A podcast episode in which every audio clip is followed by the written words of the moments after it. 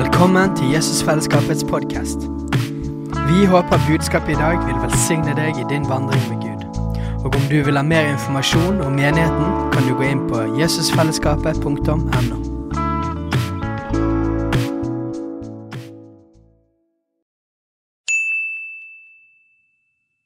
Hei!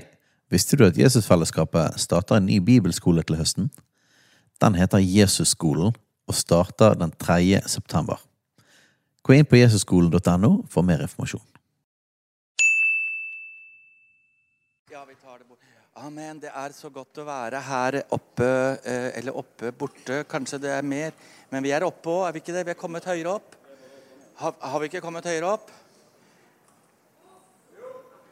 Er det bare to stykker som har kommet høyere opp? Jeg tror faktisk at det er en voldsom oppdrift akkurat nå. Eh, og eh, kan du si den siste halvdelen av i fjor så, så, så ble vi vist ting inn i den åndelige verden som ikke var, i hvert fall for meg, naturlig å se inn i bare for seks måneder før det. Så det var ikke så underlig at Gud ga meg det ordet for 2023, dere. At Herren vil velsigne våre åndelige sanser. For at vi alle skal avansere inn i noe nytt. Og, eh, men jeg tenkte at uh, i dag så så, så, fikk jeg veldig sterkt at jeg måtte dele et ord med dere fra Habakuk kapittel 2 vers 4. Fordi at uh, det er uh, Faktisk, det står der Se, der er de oppblåste. Hans sjel er ikke oppriktig. Hørte du det? Se, der er den oppblåste, for hans sjel er ikke oppriktig. Men, og vi har hørt alle sikkert mye undervisning om dette som kommer etter det. For der står det Se, det står 'Den rettferdige ved sin tro skal leve'. Og jeg husker godt når jeg fikk dette bibelstedet, så var det en tid jeg var veldig opptatt av rettferdig. ikke sant? Det er jo viktig å være rettferdig. Så i linje med forsoningen i linje med Den hellige ånds helliggjørelse. Og så var det en tid hvor jeg var veldig opptatt av tro. Du, du, du, vet det, tro, ikke sant? Den rettferdige ved sin tro skal leve. Ja? Men egentlig dette bibelverset, der ligger vekten på leve. Og det ordet på, på, på, på hebraisk er ordet shaya.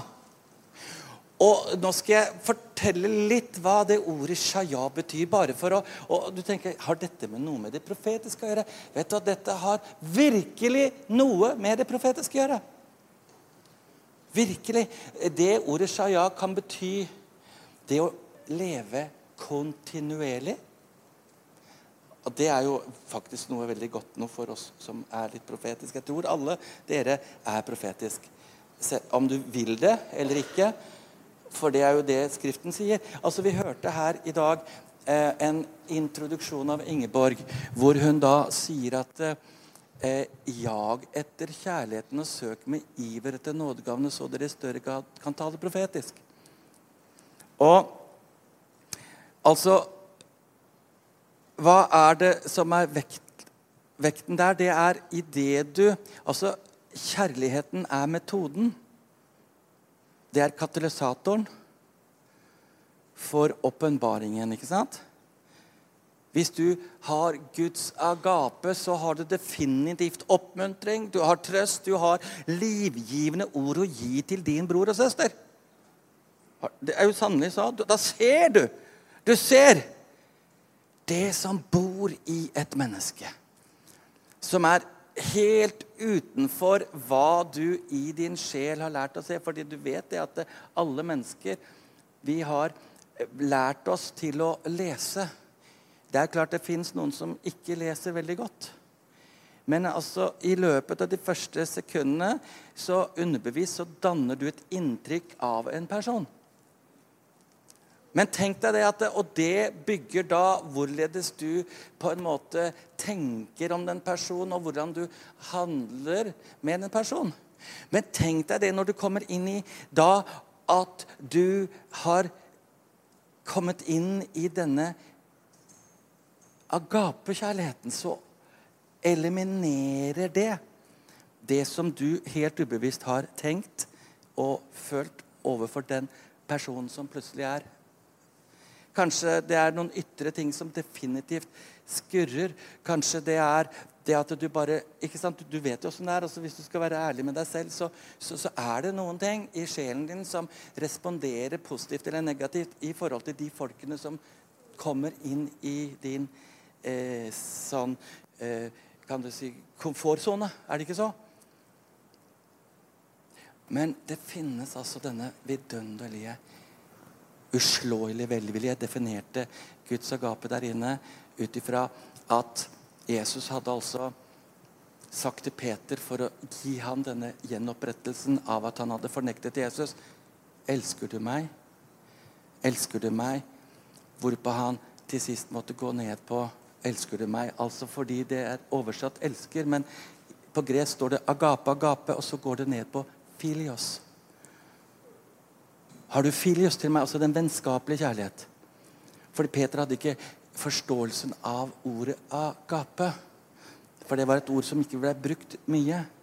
Fordi det var noe ikke man kjente til. Altså denne inntreden av den uslåelige velvilje og den uovervinnelige godvilje for at du skal få det høyeste og det beste uten at det stilles noe krav til deg selv. Det er en definisjon av dette greske ordet agape.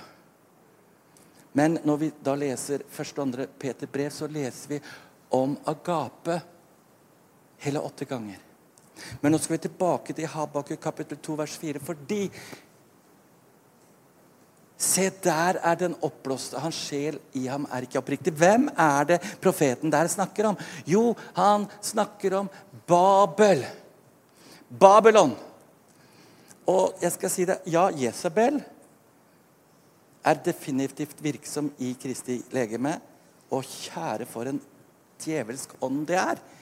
Men det er sannelig også Babels ånd. Også det å febrilsk forsøke å finne liv i noe som er ikke liv. Altså, Ja, det bygger på det å heise opp en stemning. Det bygger opp det å liksom eh, få folk til å gjøre ting. Altså Som er utbygget på også det å heise opp en stemning. Men tenk så vakkert det er når vi går inn i det rommet som vi er i, av å ydmyke oss Herren. Jeg ber mye, finner jeg meg selv. Herre, miskunne deg over meg. Herre, miskunne deg over meg. Herre, vær meg nådig. Vær du meg nåde. Og så kommer det at du begynner å bli sønderknust av ting som ikke er på plass. Og du roper etter denne vidunderlige inntreden av Den hellige ånd, som renser, lutrer, istandsetter oss til å bære enda mer av det himmelske inntreden som Gud er i ferd med å gjøre i denne tiden. Amen. Og så skal vi gå tilbake til å definere det. Det betyr noe mer, det ordet shaya. Ja, det betyr å leve kontinuerlig, men det betyr også å leve i lykke. Det er jo et fremmedord i Kristi kropp. Altså, hvem går rundt og sier 'Halleluja, jeg er lykkelig i dag'? Ikke sant? Men shaya betyr å leve lykkelig. Er ikke det vakkert? Er det mulig å leve lykkelig? Ja! Er det mulig å leve lykkelig i 2023 med alt det mørke som har bare infiltrert barnehager, skoler, samfunnet På alle områder. Altså, jeg mener, Har det ikke skjedd fort, dere? Har det ikke skjedd fort? Har det ikke skjedd voldsomt fort siden vi kom inn i denne såkalte covid-19? Som noen har vært innom sikkert og hørt om. Nedstengning og alt det. Har ikke det skjedd voldsomt mye i den siste tiden, dere? Altså et mørke som er blitt mørkere. Det er akkurat som Jo, men det går an å leve i denne lykke. Det betyr også å blomstre. Ordet shaya betyr at du skal leve kontinuerlig, du skal leve i lykke, og du skal blomstre, avansere, stige. Og bare kjenne det at dette er sannelig den tiden mitt hjerte er god jord for at Den hellige ånd skal avansere gjennom meg. En annen ting det ordet betyr, det er faktisk eh, å nyte. Ja, ikke yte, men nyte. Det betyr shaya. Å nyte. Går det an å nyte? Ja, selvfølgelig. Hvis du febrilsk forsøker å finne liv i deg selv, så kan du ikke nyte, for da er det jo ved egen kraft og egen styrke. Men når du begynner å komme inn i den dimensjonen som Gud har kalt deg til Se, der er den oppblåste hans sjel i ham er ikke oppriktig. Den rettferdige ved sin tro skal leve. Shaya. Og dette er litt interessant at jeg deler dette akkurat nå, siden det er en profetisk konferanse. Fordi at Jeg vil knytte det opp til et ord i Jeremias 33,3, hvor det står at Kall på meg, så skal jeg åpne Altså Det det står der i grunnteksten, det er faktisk at når du setter Som jeg har vært innom her før Men sett navn på din dag. Sett navn på din familie. Sett navn på din arbeidsplass. Sett navn på din område. Sett navn på din by. Det vil si Kar av meg, sier Herren. Kall på meg. Det er det samme ordet som brukes ca. 700 ganger i Det gamle testamentet, hvor da skaperen, Elohim, Adonai, han bød fram. Han talte til mørket og sa, 'Det er natt'. Han kalte det natt. Og han talte til lyset og kalte det dag. Han talte til det som ikke var, så det kom fram. Hva har det med Hva har disse to ordene med det profetiske å gjøre? Altså i Habakuk 2,4, hvor vi snakker om shaya, og så begynner du å snakke om kara. Jeremia 33, 33,3. Jo, det er akkurat det at Herren ønsker sin forsamling opp på et nytt plan av en inntreden. At du faktisk begynner å tro når du åpner dine sanser, og du kjenner, eller du ser, eller du hører, eller du fornemmer. Og når du ber for en bror eller søster, eller om du ber for bedrift eller skole altså Ja, det var en periode hvor jeg faktisk måtte profetere over eh, høyskoler og, og kommuner. Og, altså, det er jo litt sånn eh, mer eh, ukomfortabelt. Men altså, det er jo det Gud ønsker. Gud ønsker at du skal være utenfor deg selv. Hvor du da, du husker min favorittbønn som jeg lærte dere sist gang jeg var her, og i går.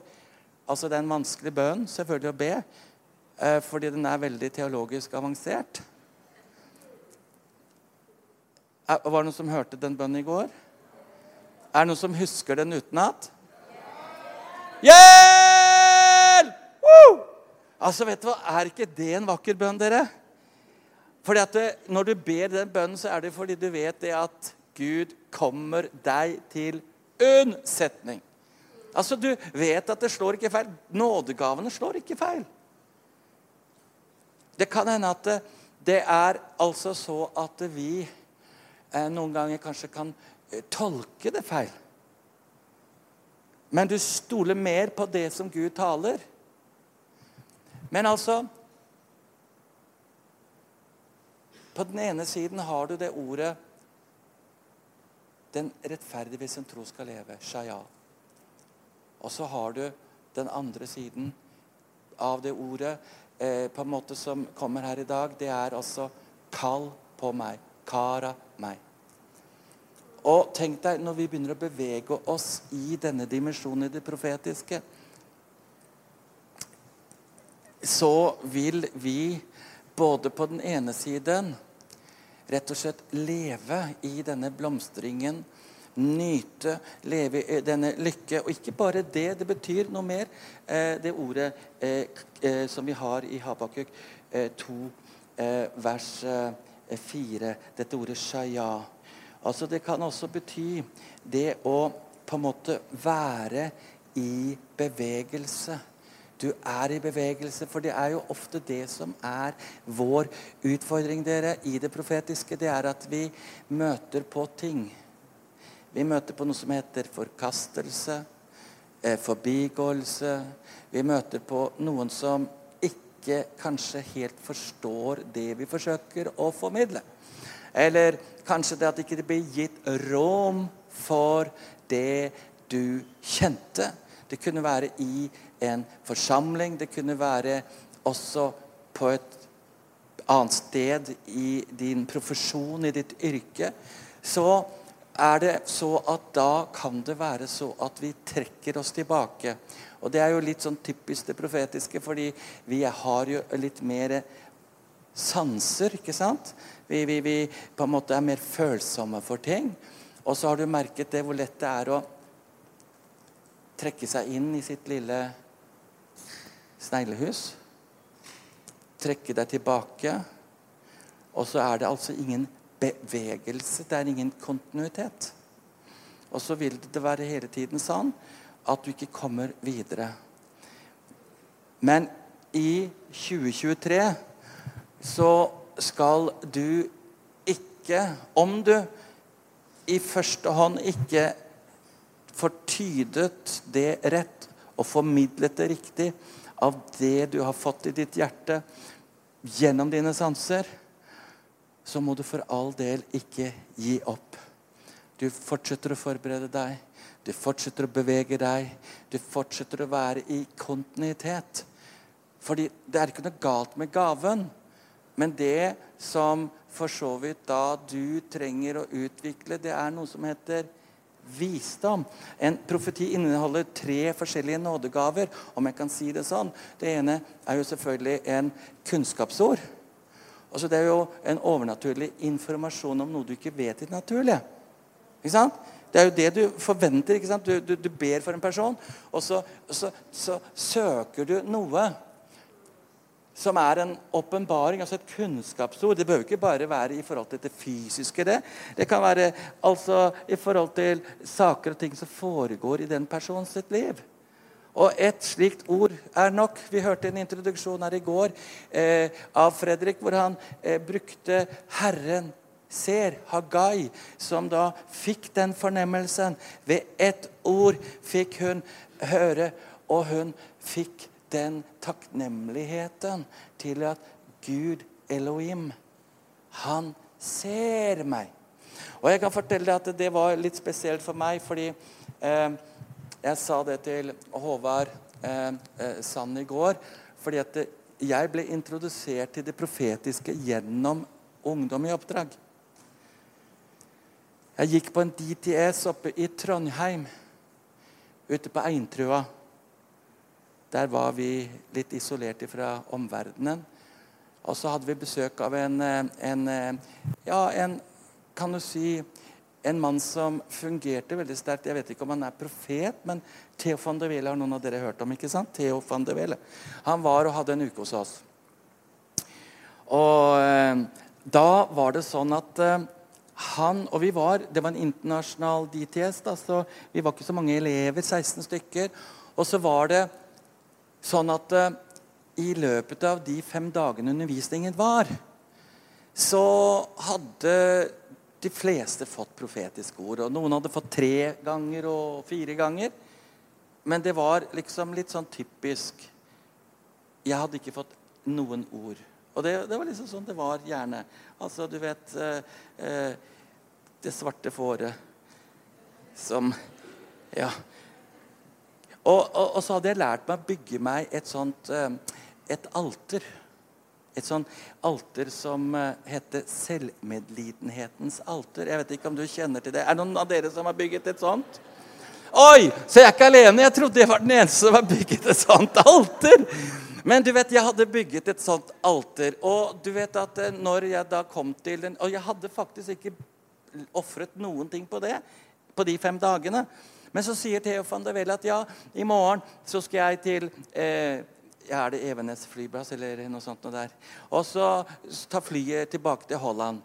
Men dere kan jo ingen vei, så jeg skal ikke reise før til ettermiddagen. Så jeg har faktisk mulighet til å ha et ekstra møte med dere. Og jeg har fått ord til dere. Er det noen som vil det? Alle rakk opp hånda. Ja!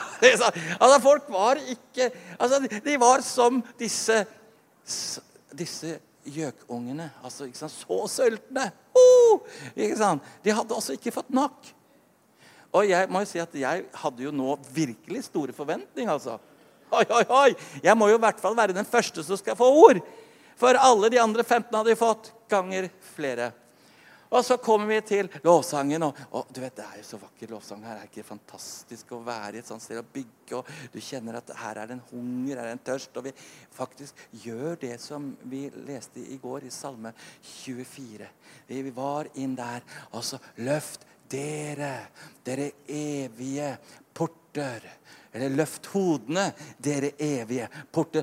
Løft dere, dere evige dører, så herlighetens konge kan toge inn. Og vi er jo bare Ja, og hvis du liksom er litt sånn avmålt i lovsangen ennå, så er det muligheter å avansere. Fordi at det, det er faktisk så at Hvorfor skal du gjøre det akkurat som du syns er bra? Hvorfor kan du ikke gjøre det som Herren syns er bra? Altså, vet du hva? Jeg har en ny modul på Profet som heter formasjon. Heter formasjon, heter den. Fordi at jeg har sett så mye inn i den åndelige verden det siste halve året at jeg ser at det er så mye som ikke stemmer. I mitt liv, selvfølgelig, men også i uh, kan du si, fellesskapets liv i forhold til det å rive til oss det som er akseptabelt ut ifra et himmelsk perspektiv. For å virkelig se det som du og jeg lengter etter. For det, det, er bare så at det, Gud, som han har gitt oss tro som en faktor for å motta noe fra Herren, så har Gud også gjort noen faktorer som må på plass for at han kan gjøre noe her på jorden. For det er en legalistisk eh, altså Det er ikke bare eh, fienden som opererer legalistisk. Gud gjør også det! Selv om at vi tenker at vi gjør som vi selv vil, for vi er jo frie Kristus. Altså Hvis du er fri, Kristus, så er du så fri at du vil komme i linje med Herren. Ja, du vil jo se mer. Du har ikke sett nok. Du vil se mer av Gud. Altså når Gud tar over.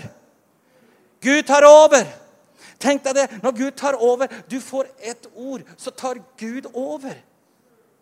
Altså Det er jo det vakreste å se når Den hellige ånd arbeider i et menneske. Du var bare kanalen. Et, en budbærer og du fikk noen ting, og du ser Gud tar over. Og Gud kommer til å ta over. Jeg har en sånn sterk fornemmelse at Gud kommer til å ta over områder i byer. Og, og selv byer kommer Gud til å ta over, over i disse dager. Men det kommer ikke bare fordi ikke sant? Det kommer at vi kommer i linje. Vi kommer i formasjon. Så i alle fall Tilbake til lovsangen. For jeg har den historien. Vi hadde kommet til da denne lørdagen, og du kan tenke deg Da hadde jo jeg hendene mine helt oppe. Woo! Ja, Det hadde jeg de andre dagene òg, altså. Men jeg hadde så forventning. Endelig min tur. altså For første gang. Jeg hadde vært frelst i mange år og lengtet etter kraften i alle de årene. For jeg vokste jo ikke opp i kirken. Jeg vokste opp med Bibelen. Så jeg var dessverre ikke i linje med eh, noen ting. Jeg var gjennom alle menigheter som fantes på den tiden. Jeg, fra 70 år og, eh, altså 79 og utover. For, og jeg ble alt på en måte, Hvis du kan tenke deg altså, Jeg ble jo ikke, passet jo ikke inn. altså Jeg gjorde ikke det. For dette, jeg levde jo i Bibelen. Bibelen var min mat. Altså, Jeg hadde ikke vokst opp med religion. Takk og lov, på en måte, hvis du forstår. Jeg hadde ikke vokst opp med det religiøse. Altså den der formalismen, tradisjonen. Du vet hva jeg snakker om. Tenk å vokse opp. Jeg takker Gud for at jeg hadde hatt et gudsliv fra jeg var en guttunge med opplevelser med Herren og sånn. Men jeg trodde jo det var naturlig. Jeg tror flere av dere har hatt Altså om dere har hatt opplevelser, fornemmelser, inntredener uten at du har hørt og sett, men allikevel, som et barn, har flere av dere hatt sterke inntredener av Gud, selv om du kanskje ikke levde i menigheten. Men jeg tror sanne det er flere slike her, altså. Det er flere slike her. Det er flere slike her, og det skal, altså, Jeg bare ber om at Herren skal opplyse dine øyne. At du skal se tilbake på noen av de tingene du opplevde som den gutten eller jenta. Fordi at du har hatt opplevelser med Gud. Gud har møtt deg. Du har kanskje bare vært i rommet ditt og kanskje sunget denne eh, Kjære Gud, jeg har det godt. Takk for alt som jeg har fått. Du er snill, du holder av meg, kjære Gud. Gå aldri for meg, pass på liten og på stor. Gud befare far og mor. Kanskje det var den bønnen For den, den, lærte jeg faktisk. Enda det var ikke veldig sånn, uh, sånn, mer enn det. Men det lærte jeg hjemme. Og jeg ba den bønnen, og så var det en gang min mor sa du må jo, huske, du må jo tenke på det du ber om. Det var jo en enkel bønn. ikke sant? Så da lille gutten jeg var, så begynte jeg å tenke på korset. Og Jesus på korset. Altså, Jeg var kanskje fire år. Og jeg opplevde at etter hvert at mitt rom, som den lille gutten jeg var, ble fylt. Ikke at jeg så noe eller hørte noe, men jeg hadde en sterk fornemmelse av et voldsom inntreden i det den lille gutten som var fire-fem år. Og jeg tror at uh, denne tida så skal du bare tenne opp igjen dine sanser. For jeg tror at hvis du bare begynner å bare spørre Herren og, og begynne å smake litt på, så vil du se noe mer som du har av disse fornemmelsene, som er noe Gud har lagt der som et, et depositum som du kan ta ut av nå som du har kommet inn i mer modenhet. Så går vi over til historien igjen. og Jeg løftet mine hender vet du, og priste Gud som bare det. og så var det bare det at så begynte Theo van der Weel å betjene den og den og den. Og når han kom til fjerde, så begynte jeg å bli rimelig tenkte, Og da, da ble jeg sur. Rett og slett sur. For jeg tenkte at jeg mener, ærlig talt, siste dagen, og så skulle ikke jeg ennå bli betjent. Så tenkte jeg at eh, ja, hvorfor skal den poden komme bort til meg? Altså, jeg tenkte det. Jeg sa det sånn inni meg. Den poden skal sannelig ikke få be for meg. For da hadde jeg blitt sur. Sånn? Da, da, hadde fienden matet forkastelsen i livet mitt. Og da hadde jeg noe som faktisk jeg hadde bygget en del på gjennom DTS-en. Oppe på den lille fjelltoppen som var der ved Eintrua. Så der var det en fin sti, og jeg gikk jo stadig opp der og bygde videre på mitt lille alter. Eh, husk på dette var i 1986, og det var ikke så at eh, profeter var veldig på da, altså. Og ikke hadde jeg noen tanke på at det, det var det det var. Men, men jeg gikk opp, og Eller da tenkte jeg nå skal jeg gå opp dit igjen. Og så satte jeg meg ned pakket Bibelen min ned i sekken min. Og jeg hadde faktisk bedre ting å gjøre enn å få et ord fra Herren. Altså, for det var bedre å bygge videre på selvmedlidenhetens alter enn at du skulle vente å være siste mann som kanskje fikk en liten eh, liksom Det som ble til overs, den lille smulen som hadde falt under bordet. Altså, jeg mener Så Jeg var ikke så eh, skitten Jeg var ikke så at jeg skulle plukke opp det, for å si det sånn. Men selvfølgelig så kom jo da Theo van Dellebolle bort til meg, og så eh, sier han følgende Og jeg skal dele den lille profetien, for et ord kan forandre hele ditt liv. Og det var altså følgende jeg fikk. Jeg fikk dette ordet. Han sier Enhver blomst har sin tid. Enhver blomst har sitt jordsmonn. Ja, du, du, forstår jo liksom hvor det går hen. Så slutt du å se på de andre blomster som allerede blomstrer, sier Herren. For din tid kommer. Bare vent på meg. Det var alt jeg fikk! Men jeg tror jeg trengte noe mer. Jeg trengte ingenting mer. Vet du hva, Da fikk jeg akkurat den Hagai-opplevelsen. Eller eh, Hagai, sier jeg. Eh, ja, du vet hvem jeg mener. Ja. Og jeg fikk den opplevelsen av at Gud så meg. Og vet du hva, det løste meg fra noe av forkastelsen. Jeg kan ikke si at jeg ble løst fra alt, men jeg ble løst fra ganske mye, kan du si. Å få den opplevelsen av Gud ser meg. Altså, Tenk deg det ordet, hvilket var jo ikke det eh, voldsomme ordet. Hvis jeg hadde tenkt at det var det jeg fikk for en, så ville jeg tenkt at ja, det var da ikke store greiene. ville jeg tenkt. Altså, ja, ja, jeg ga det. Og takk og lov at han ikke behøvde å si noe mer.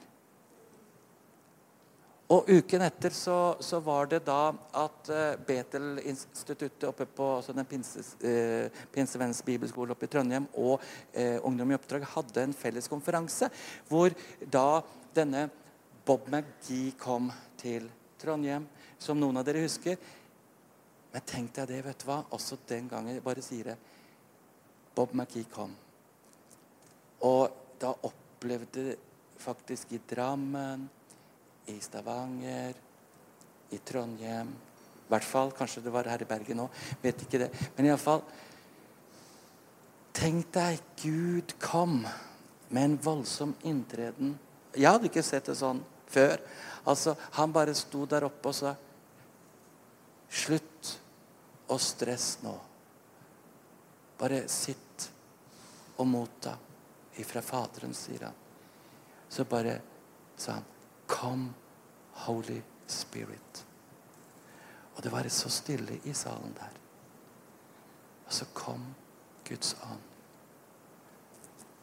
Og jeg hørte noen også. Jeg satt jo der selvfølgelig anspent på første, ikke første rad, men ganske langt framme. Satt anspent, litt sånn ute. Var jo liksom Ja, for du vet åssen det var. Febrilsk forsøker de å finne liv i seg selv. Du forstår?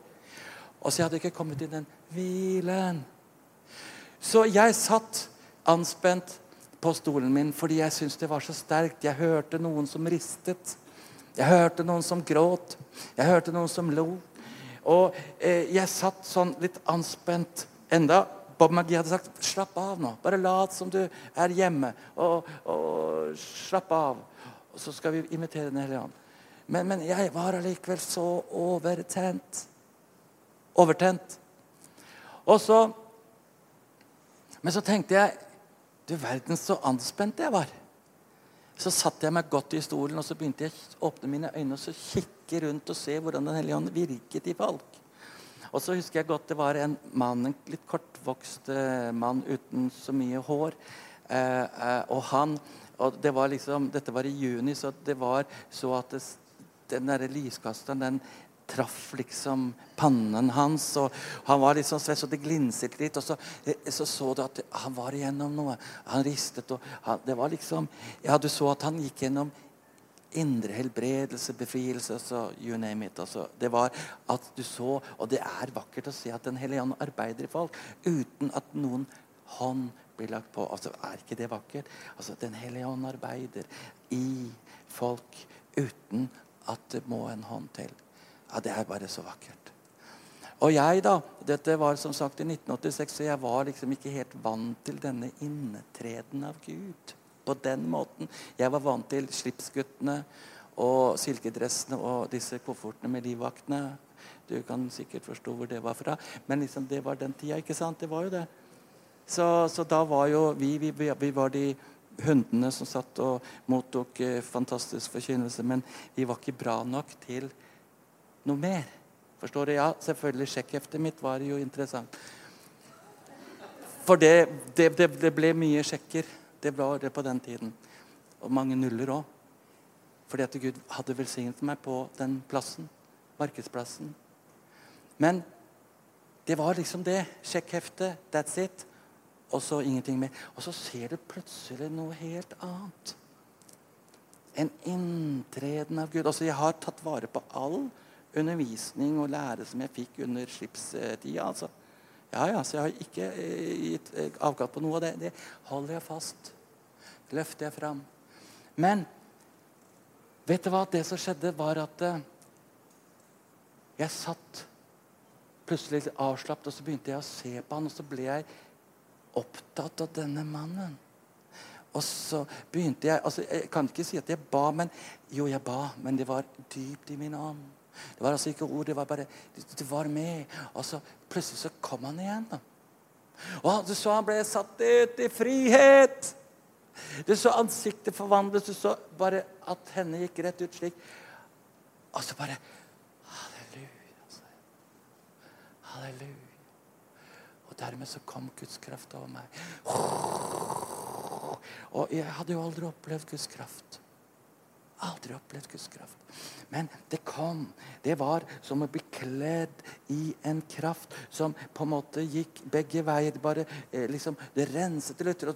Og jeg som var en sånn beskjeden kar som ikke likte oppmerksomhet, men der satt jeg hadde min egen lille vekkelse i 1986. Jeg pustet høyt. Og, altså Det var bare helt Det var altså rett og slett i en annen du brydde ikke Og så husker jeg han som satt ved siden av meg, en, lang mann som, som, uh, som liksom syntes dette var fint, så han skulle liksom legge hendene Men han klarte ikke å Det var ingen som kunne røre meg, for at det, sånn halvmeter fra så begynte dem å riste. Det var ikke mulig. Ja, det var bare Gud. Det var Gud, det var Gud, det var Gud. Det var bare helt fantastisk for meg. Og jeg nøt jo det, for tenk så vakkert. altså Noe du hadde lengtet etter i så mange år. En bekraftning, en himmelske inntreden i ditt liv. Og så får du det. Men så er det så at eh, jeg hadde noe som heter resonnementet mitt. Dessverre. Altså det, det, er jeg veldig glad for, forresten. Men, men allikevel, akkurat da jeg tenker tilbake Var det mulig? Så begynte jeg å ikke sant? Du skulle forstå du vet, Det er det å stille rette spørsmål. dere. Jeg begynte å stille spørsmålet for å få forstå Hva er det du nå gjør, Gud? Hva, hva er det du har for meg framover? Forstår du hva jeg snakker om? Og så begynte jeg denne diskusjonen med Herren. Og så tok ikke det lang tid før at de kastet seg over meg, eller Bob Magi tok meg ut. Fordi at han tok meg ut på et siderom fordi han trodde det var Du, du har hørt om demoner, ikke sant? Ja, demoner. Jo da, så han sa Jesus! Og jeg sa Jesus, Jesus, Jesus, Jesus, Jesus, ikke sant? Så jeg fulgte han hele veien. så Han, liksom, han klødde seg i hodet, for han forsto at her var det ikke noen demoner. Jesus. Jesus. Jesus. Jesus. Jesus. Halleluja. Ja, altså, ja, hva er det for noe meg? Hva er det for noe meg? sånn? Ja, og så fortalte jeg det. For at, og så, vet du hva, Det var jo akkurat det resonnementet sto i veien. Forstår du det? Altså, Resonnementet sto i veien. Så tok han bare og eh, talte fred om meg. Jeg bryter det kråkereiret av tanker. Vet du hva? Du kommer til å oppleve en inntreden av Gud som kommer til å være langt utenfor fantasien til barns lek. Det kommer til å være langt utenfor hva du tenker og forstår. Ikke begynn å argumentere med Gud. Ikke Begynn å prøve å forstå det, fordi Gud vil føre deg langt utenfor din komfortsone. Langt utenfor din rekkevidde. Langt utenfor. Bare gå med det, sier Herren. Gå med det, sier Herren. Eh, faktisk så, så, så, skal jeg dele en drøm som jeg, jeg, jeg det, det, er ikke vanlig at jeg gjør det på den måten, men jeg, for at jeg er ikke ferdig med denne drømmen. Dette er bare starten. så jeg, eh, Nå åpner jeg meg på det. Men jeg må nesten gjøre det, for på onsdag, onsdag til torsdag så Før jeg våknet, så fikk jeg en drøm. Og ikke sant? Gud kan tale gjennom drømmer. I et syn om natten, når dyp søvn faller over menneskene. Ikke sant? Han taler også til oss om dagen, men Gud taler til deg gjennom drømmer.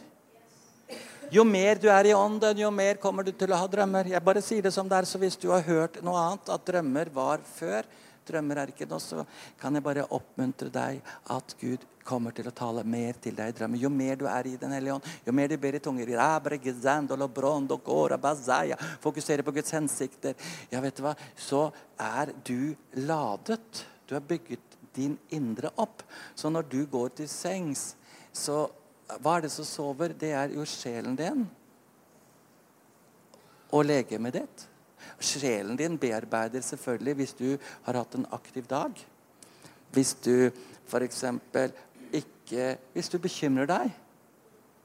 Hvis du har noe som heter at du engster deg for noe, så skal jeg fortelle deg at den natten så vil du ha drømmer med strev.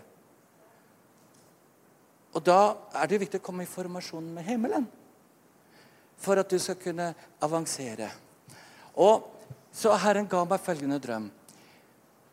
Altså, Jeg har hatt en del flyvende drømmer, og det er skremmende drømmer. fordi at, eh, at det er altså, for å si det, Én ting er å fly sånn akkurat over fjelltoppene. ikke sant? Er det noen av dere som har hatt flyvende drømmer? Yes. Oi, det var mange. Fantastisk. Og, ikke sant? Men begynn å se litt nærmere. Hva er det Gud forsøker å si? Er du på vei opp? Er du på vei ned? Er det, eh, ikke sant? Du, har, du, har, du, kontroll, eller har du ikke kontroll? Jeg liker å ha kontroll. For å si det sånn. Men ofte i mine drømmer så mister jeg kontrollen, og det er forferdelig. For at jeg kommer så høyt! Jeg kommer så høyt, jeg kommer opp i de lagene hvor det faktisk er 40-50 minus. Og jeg bekymrer meg fordi at det er så kaldt. Og, men allikevel så, så, så, så, fryser jeg jo ikke. Jeg, jeg, og Samtidig så blir jeg ført til steder som er så skremmende, for det er store hav. Det er mer hav enn land. forstår du? Det, altså, Når skal jeg få lande?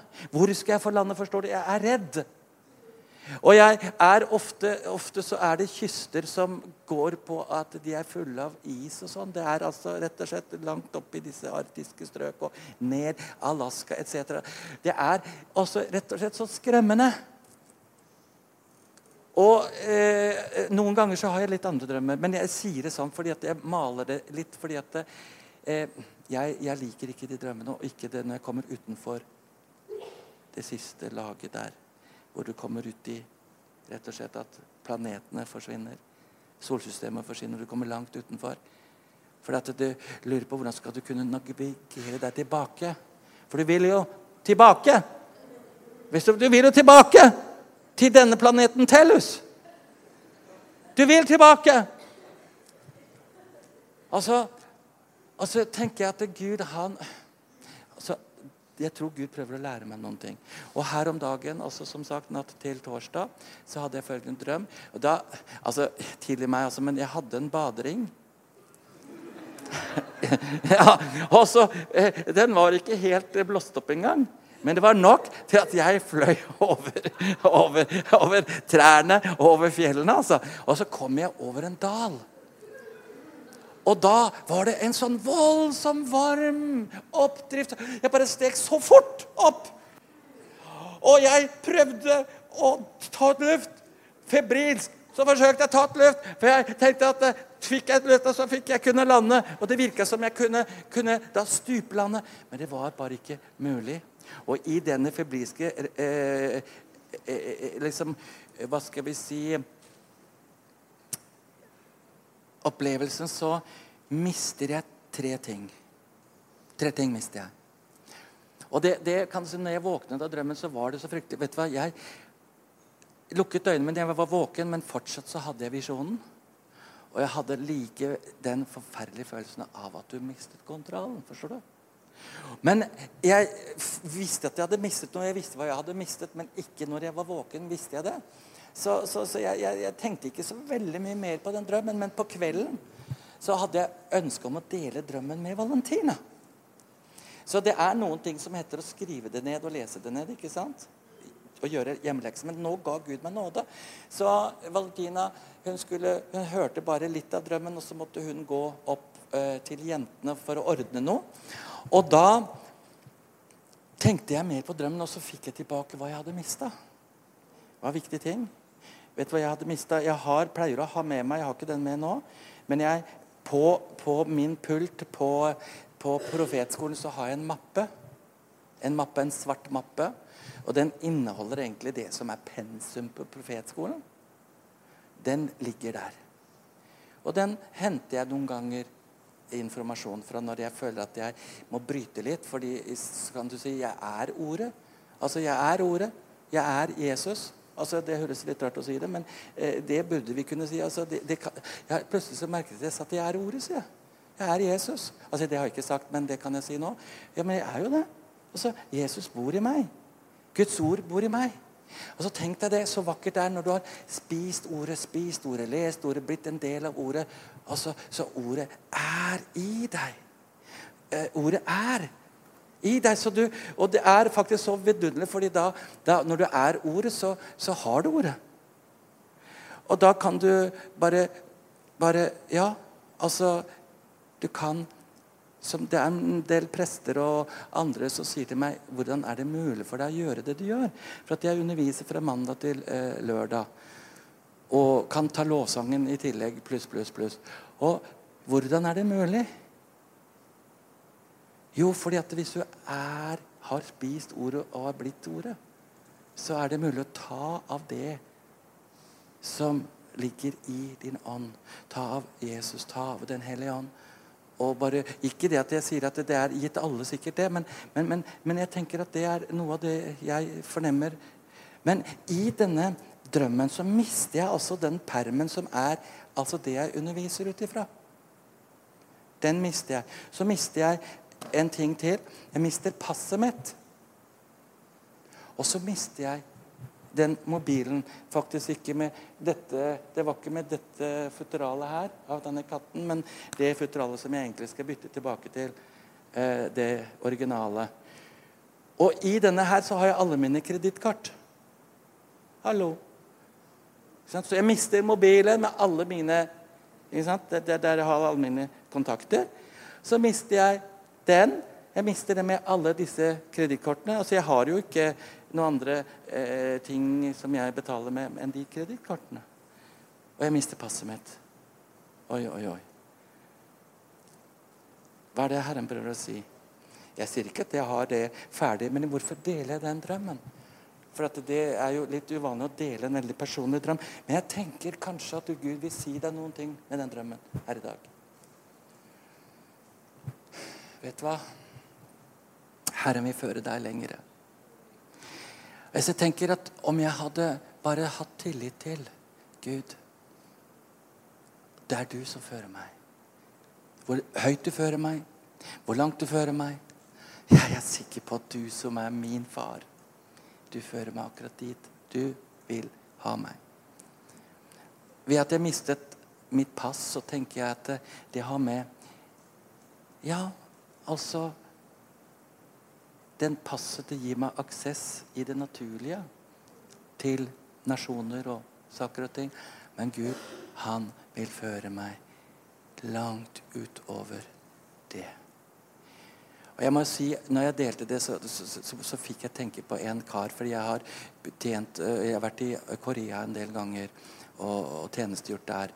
Og, og, og, det er så vakkert, fordi at du tjenestegjør overfor mennesker som er i en annen altså sfære, kan du si. Altså, Det kommer inn generaler, det kommer inn altså, ikke sant, eh, ja, Litt sånn eh, skikkelige soldater.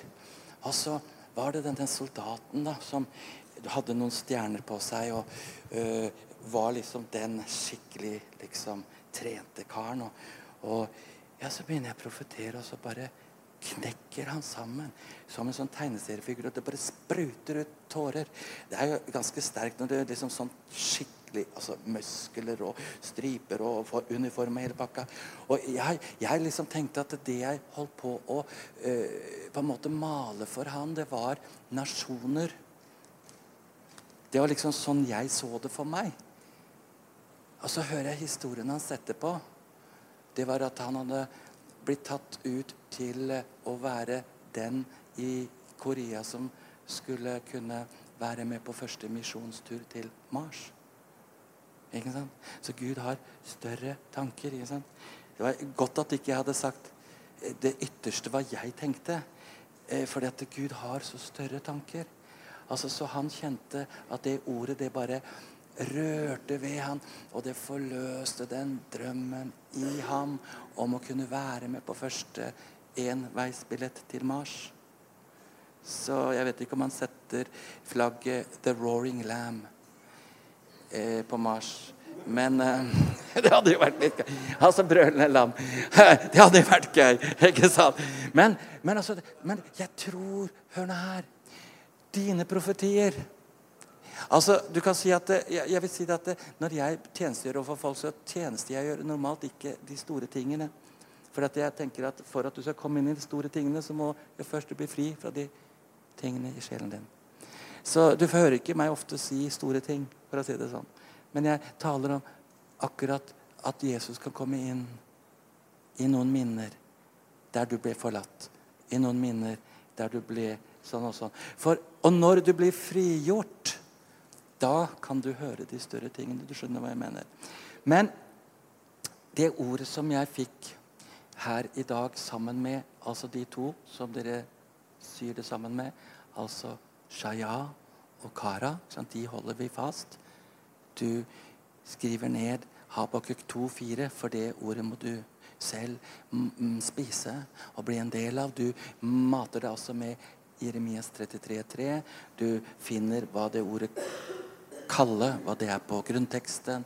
Du ser dybden av det, og du ser at det frigjør noe nytt i deg. Og det er over tid. Det er ikke sånn at det sånn, ikke sant? Jeg har levd i Kara nå i, siden 2017. Jeg er ikke ferdig med det. Jeg blir ikke ferdig med det. Men hør nå her. Hva sier Herren gjennom den drømmen som var til meg, så, så, som ikke jeg er ferdig med? Men jeg vil invitere deg til den samme drømmen. For jeg tror at Herren ønsker å føre deg så lengre enn du kan ane og tenke og forestille deg. Men du må ha tillit til at også Gud fører deg igjennom. Sånn som når jeg er oppe i de lagene, da. Og jeg ikke fryser i hjel. Fordi Gud vet hva han gjør. Og jeg må ha tillit til at, at ikke jeg da mister oppdriften ut i de store havene for så å drukne, men at Gud fører meg til akkurat det stedet han vil ha meg. Om det er nasjoner, eller om det er eh, posisjoner, om det er oppgaver, om det er dører Du vet mennesker som du møter på din vei. Og så er det det å bli frigjort ifra kan du si, det som er din trygghet. Gud er din forsørger. Gud er din forsørger. Og Gud har nye kontakter for deg. Gud har nye mennesker. Og det er noe Valentina er veldig takknemlig for. Vi har sett mye vakkert i livet vårt på forskjellige områder. Og ofte så har Gud brukt mennesker som har vært litt utfordrende. Mennesker som kanskje ikke i det hele tatt er i vår kontaktflate i dag. Men han har brukt mennesker som kunne være de vi forkastet akkurat da, men som Gud brukte til å så inn en idé, så inn en visjon, så inn noen ting. Men som definitivt i det naturlige absolutt ikke var de vi ville henge med. Forstår du hva jeg snakker om? Og jeg bare oppmuntrer deg til at du ikke skal misse noen av de dører som Gud har. Og jeg kan si, Det snakket jeg med Valentina i dag tidlig. Hvordan kom vi hit? Jo, Det var en liten interessant historie også. fordi det var, Jeg hadde seminar ute på eh, utafor Åsane. Eh, er det Knarvik det heter? Ja, et eller annet sted. Eh, Tertnes, mener jeg. Tertnes. Og så var det etter en kveld. Jeg hadde lite klær på meg, og så var det veldig kaldt. Det var vind og regn. Og så var det Jørgen på kvelden der som stiller meg noen spørsmål. og du vet, han stilte meg, Da hadde jeg bare gitt og gitt, og gitt, og så stiller han meg noen akademiske, faglige, teologiske spørsmål. Jeg mener, Du har jo vært og sett. Hva er det du stiller meg? Og, og så, men så bare kjente jeg nei, jeg må bare svare, men jeg hadde virkelig ikke lyst til å svare. hvis du forstår, for Da hadde jeg dratt og dratt ifra min ånd, og så skulle jeg plutselig begynne å forsvare. Altså dogmatikk. Og så var det noen i teamet mitt som sitter i bilen min, og de kom, kom liksom mase på meg. Men så bare kjente jeg nei, jeg ville bruke tid med Jørgen. Så bare gjorde jeg det. Jeg svarte på de spørsmålene og svarte. Også. jeg brukte tid der, og jeg syntes det var kaldt. For det var sånn at jeg pleier å gå i en sånn T-skjorte og en sånn skjorte, ja, og en skjorte. da. Og så, og så liksom blåser liksom den der vestvinden rett inn. Og, og, og, jeg er jo ikke vant til sånne vindvær normalt eh, på Østlandet. Og, eh, men vi har det jo veldig vårlig her i Bergen denne gangen. da Hjemme så har vi jo én meter snø, og eh, vi hadde fem-seks grader minus når vi reiste. Så, så, så vi syns det er deilig å komme hit. Men akkurat den høstkvelden så var det kaldt. altså. Så det kostet ekstra. Og spesielt disse folka i teamet. Kom, kom, kom. kom. Så, så, det var lett å bøye for. Vet du hva? Du kommer til å komme i noen sånne situasjoner. Og det var jo en dør som gjorde at vi ble kjent med dette fantastiske fellesskapet her og har fått flere venner blant dere. Det er helt fantastisk. Altså, men det var nesten sånn at den kunne I det kjødelige så sa mitt kjøtt ikke bruk tid. Altså, du har bare dratt ut ifra ånden, og så skal du begynne å, å ha litt dogmatikk på kvelden. Nei, det passer ikke. Men det passet Herren. Akkurat at det er noe som heter offeret, dere. Det var et offer. Å bruke tid med en du ikke hadde ønska å bruke tid med da. Ikke sant? Ikke da. Hadde det vært på morgenen etter klokka 11 Så da kan du snakke om det, men ikke før. altså. Nei, Da blir det bønn og lovsang og, og, bare Ja, vet du hva? Jeg bare, altså Hvorfor jeg deler dette med deg? Jeg tror dette er et vidunderlig budskap. dere som eh, faktisk eh, jeg ville dele med dere fordi at du skal tenke litt på at Herren skal ta deg lengre. Han skal ta deg lengre. Og du kommer ikke til å febrilsk forsøke å finne liv i deg selv. ikke sant? Nei, Du vet at du skal leve i denne shaya. Og så skal du begynne å se at du skal avansere i kara. Og så skal du stole på at Herren skal ta deg lengre og videre. Og han kommer til definitivt ikke å føre deg inn i Atlanterhavet. Og ikke heller i Norskehavet. Og heller ikke i Stillehavet. Men han fører deg akkurat dit. Kanskje ikke på den tropiske øyen du tenkte på akkurat nå. Men det kan være at det er et sletteland. Kanskje det er at jeg ser et sånt samaraisverd. Kanskje det er Asia som kaller noen. Kanskje det er rett og slett Åsane som kaller noen. Kanskje det er Tertnes som kaller noen. Kanskje det er familien din. Altså, Men du skal se en inntreden ved at du begynner å tale ut det profetiske ordet og ber ut kara for neste sesong. Amen. Oi, oi, oi. Jeg har malt ut dette, men jeg tror der var budskapet i mål. Men jeg føler at vi må aktivisere. Eh, og jeg tenkte det at hvis eh, eh, Rebekka bare spiller i ånden Ja, du må gå, men en som spiller, så bare spill i ånden. fordi at jeg kjenner at eh, i dag, nå eh, jeg, jeg, jeg, bare Altså, jeg pleier ikke å ta fram den eh, annet enn når jeg skal Hva skal vi si Ja, men jeg har ikke gjort det på en stund, for å si det sånn. Jeg har gjort det en del før. men jeg føler at i dag, akkurat nå, så skal vi bare la ånden eh, bare, Vi skal ledes ut i at gaver skal forløses her nå. Det er det vi skal. Og mens da vår kjære broder Det er så herlig å se han igjen, svensken. Min, min, min helbror av en eh, Jeg er jo halv svensk, vet dere. Ja, ikke se så rart på meg, men jeg jeg, min mor er fra Skåne, og det er klart jeg skjønte hvorfor du så rart på meg. fordi at uh, Det er jo ikke alle svensker som sier at Skåne er en del av Sverige. Men uh, det er jo det gamle, du fria broderlandet Sverige. Men hør nå her. Jeg bare kjenner at Guds ånd er sterkt til stede her. Og Det var derfor dere fikk høre en drøm jeg ikke har bearbeidet i mitt eget liv heller. Men jeg kjenner at det ligger i budskapet. Og jeg kjenner at Gud kaller deg. Han kaller deg til noe større. Han kaller deg til noe mer. Å, jeg bare løser deg ut. Og jeg så Den hellige ånd bare arbeide i flere her nå som faktisk har Kanskje som jeg, da hatt en fristelse til å bygge på et sånn selvmelidenhetens alter. Jeg bare så at det var i går. Det var i går. Fordi at du er så elsket. Du er så elsket. Du er så viktig for meg, sier Herren. Du er så viktig for meg. Jeg løser deg ut, jeg løser deg ut, jeg løser deg ut. Og jeg så Jesus komme inn akkurat i det minnet som kom opp i deg så kommer Jesus inn for å løse deg ut, for å sette deg fri. Der du følte at du sto alene, der du følte deg forlatt, der ingen var. Fordi Jesus hadde ingen akkurat da, men han så deg.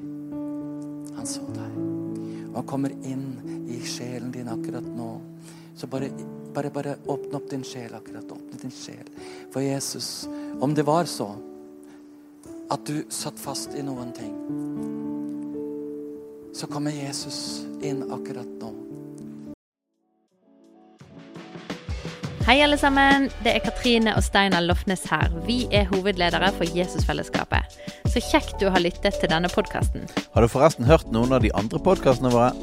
Ukens tale, Disippelskolen, Hyrdepodden, Kulturkrigen og Mammas hjerte. Du finner disse podkastene på Spotify, Apple Podkaster og på nettsiden vår jesusfellesskapet.no.